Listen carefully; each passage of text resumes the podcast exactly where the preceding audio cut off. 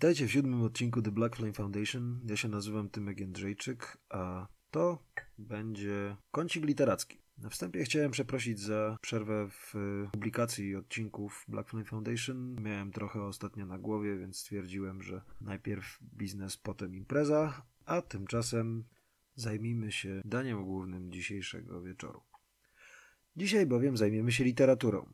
Mam wrażenie, że żyjemy ostatnio w dobie zalewu lepszych i gorszych pozycji literackich związanych z szeroko pojętą muzyką metalową. Od fantastycznych zupełnie pozycji, takich jak na przykład szwedzki death metal Ekerota czy Slayer bez litości Szubrychta, po obszerne monografie omawiające faktografię danych scen czy zjawisk, a po kompletne hałtury tłuczone na prędce celem zbicia kapitału na a to fali popularności związanej z czyjąś śmiercią, jak na przykład wszystkie książki Popofa o Motorhead, a to reaktywacją, jak na przykład wszystkie książki Popofa o Merciful Fate. Kultura metalowa wykształciła ostatnio silniejszy niż kiedykolwiek nurt literacki i pomyśleć, że były czasy, kiedy człowiek dumnie na półce stawiał koszmarki pod tytułem Encyklopedia muzyki popularnej heavy metal z rock serwisu, czy jakieś przewodniki płytowe, bo w środku było parę słów o Kacie czy Heliasie. A że wolność publikacji też nie jest tutaj od parady, to poza kolejnymi biografiami Nestorów, herosów metalu, można sobie na półce postawić na przykład wynurzenia Roba Bandita z Magnus, które akurat bardzo polecam, czy opracowania o audycjach i zinach metalowych PRL. W tym właśnie duchu ukazały się stosunkowo niedawno dwa opracowania na temat kapel, które nigdy nie były ogromnymi zjawiskami na scenie, za to obydwie spełniają co do joty wymogi hord kultowych. Mowa tutaj o Hereticus, autobiografii A.C. Wilda z Bulldozer oraz Wąż i Pentagram, czyli oficjalnych kronikach greckiego kultu nekromantia. Obie te książki, mimo że wydane bardzo efektownie i z dużą dbałością o aspekt wizualny i jakościowy, mają jednak swoje wady. Na ich przykładzie chciałem rzucić kilka słów odnośnie tego, jak postrzegam tego typu twórczość literacką. Pierwszy ogień weźmy chronologicznie Hereticus. Kiedy tylko usłyszałem, że w Polsce ma ukazać się książka o hołubionym przeze mnie od dekad Bulldozer, uszy stanęły mi jak młodemu kojotowi. Włoski kult i oddani uczniowie Venom to jedna z moich ulubionych kapel ze słonecznej Italii, chociażby ze względu na nietuzinkowe i wredne jak szpilka wokół teksty, przez które nawet świętojebliwi redaktorzy brytyjskiego Kerrang czuli się urażeni na tyle, że nieomal standardowo Bulldozer był ich chłopcem do bicia. Dlatego też mając również w pamięci długą rozmowę, jaką odbyłem z AC Waldem w Krakowie w 2011 roku, spodziewałem się czegoś ciekawego i literacko nietuzinkowego. Wydany przez oficynę Monomaniac w zeszłym roku Hereticus nie powala objętością. To raptem 124 strony kolażu tekstu i zdjęć oraz grafik, wydane nie powiem ogromnie efektownie, chociażby ze względu na tłoczony tytuł, twardą oprawę, kredowy papier czy niesamowitej jakości reprinty zdjęć, ale mam wrażenie, że cały ten sztafaż miał na celu poniekąd przykryć mizerię literatury. Powiedzmy to sobie bowiem szczerze, książka jest literacko kiepska. Napisana w miarę chronologicznie, ale chaotycznie, przedstawia informacje, które można znaleźć w różnych źródłach od dawna, w dodatku okraszone mało odkrywczą filozofią Alberto Continiego dotyczącą indywidualizmu i kwestionowania dogmatów. Filozofia, z którą umówmy się, zgadzam się w stu procentach, ale czy nie o tym mówili wszyscy wolnomyśliciele od zarania dziejów? Gorzej, że temat jest potraktowany raczej ogólnikowo i po łebkach, stanowiąc podpórkę do dość prostolinijnej biografii Bulldozer jako kapeli, a jest parę smaczków, które chętnie bym tam zgłębił, jak na przykład trochę trochę więcej miejsca można było poświęcić y, tragicznie zmarłemu Dario Carii chociaż. Zdecydowanie najciekawszy, chociaż mocno asekurancki y, jest opis okresu po rozpadzie Bulldozer, kiedy AC zajął się produkcją Eurodance'u, Eurobeatu i wydawaniem muzyki klasycznej. Tutaj wreszcie poczułem, że dowiaduję się czegoś nowego jako fan. Szkoda tylko, że kompletnie pominięto przy tej okazji wieloletnią przyjaźń i współpracę z eurobeatowym producentem Brettem Sinclairem, z którym nawet nagrał taneczny album Hot Fire w 92, sygnowany zwany nazwą Rogers Contini Sinclair. Tutaj AC Wild woli udawać, że Eurobeat był jedynie przykrą koniecznością zapewniającą byt, a nie zjawiskiem muzycznym, w które był mocno zaangażowany w latach 90. To wydaje mi się, przyznam szczerze, nieszczere. Całokształtu Hereticusa nie poprawia tragiczne tłumaczenie. Serio, Ktoś, kto wymyślił, że dodawanie wszędzie nieodmienionego przez rodzaj i liczbę zaimków wskazującego ów, że to będzie jakaś oznaka elokwencji, powinien sobie zapierdolić młotkiem w czajnik. Ani to, ani fakt, że bardzo dużo powierzchni książki zajmują różnorakie grafiki i fotografie. Zgoda, sporo ciekawych i wcześniej niepublikowanych, jednak za te niemal 80 zł mam chyba prawo oczekiwać czegoś więcej niż fotostory z Bravo.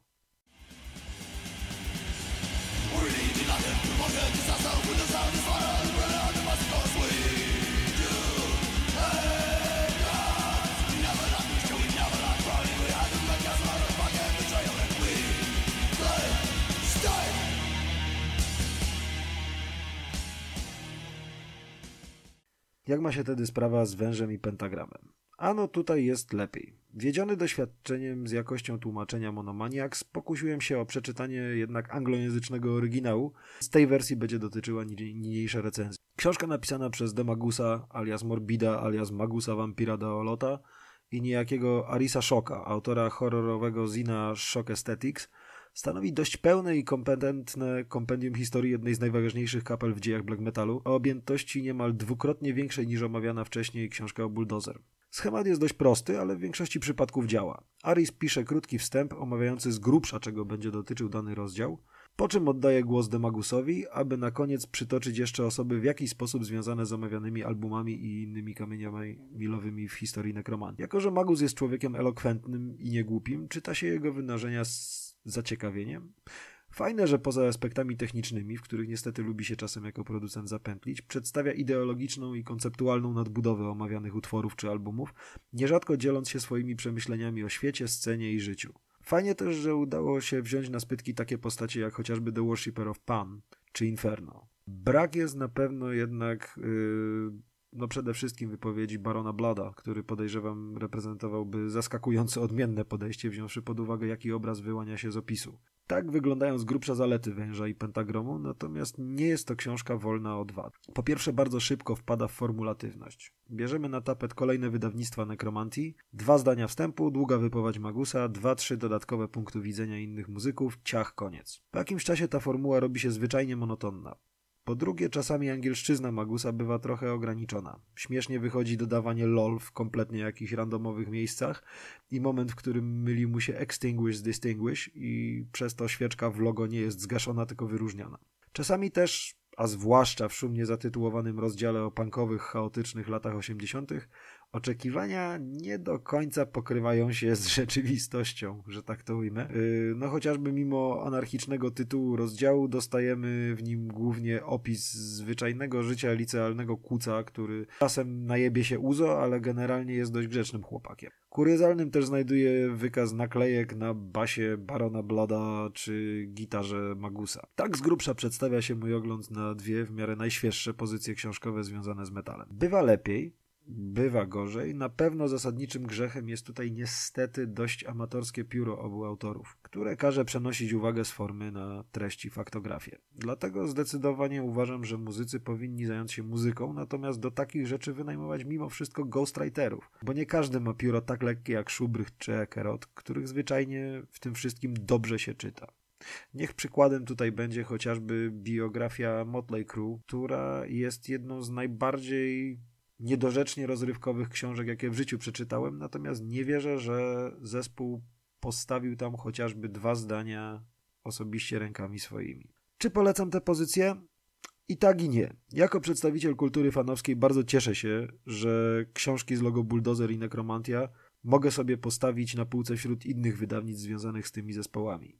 Ich jakość bywa jednak dyskusyjna pod pewnymi względami. W mniejszym pojedynku Hereticus otrzymuje ode mnie 5 punktów na 10 możliwych, natomiast analogicznie Wąż i Pentagram dostaje ode mnie mocną siódemkę.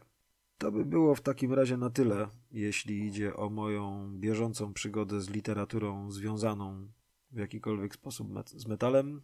Zapraszam na kolejne odcinki The Black Flame Foundation. Cześć!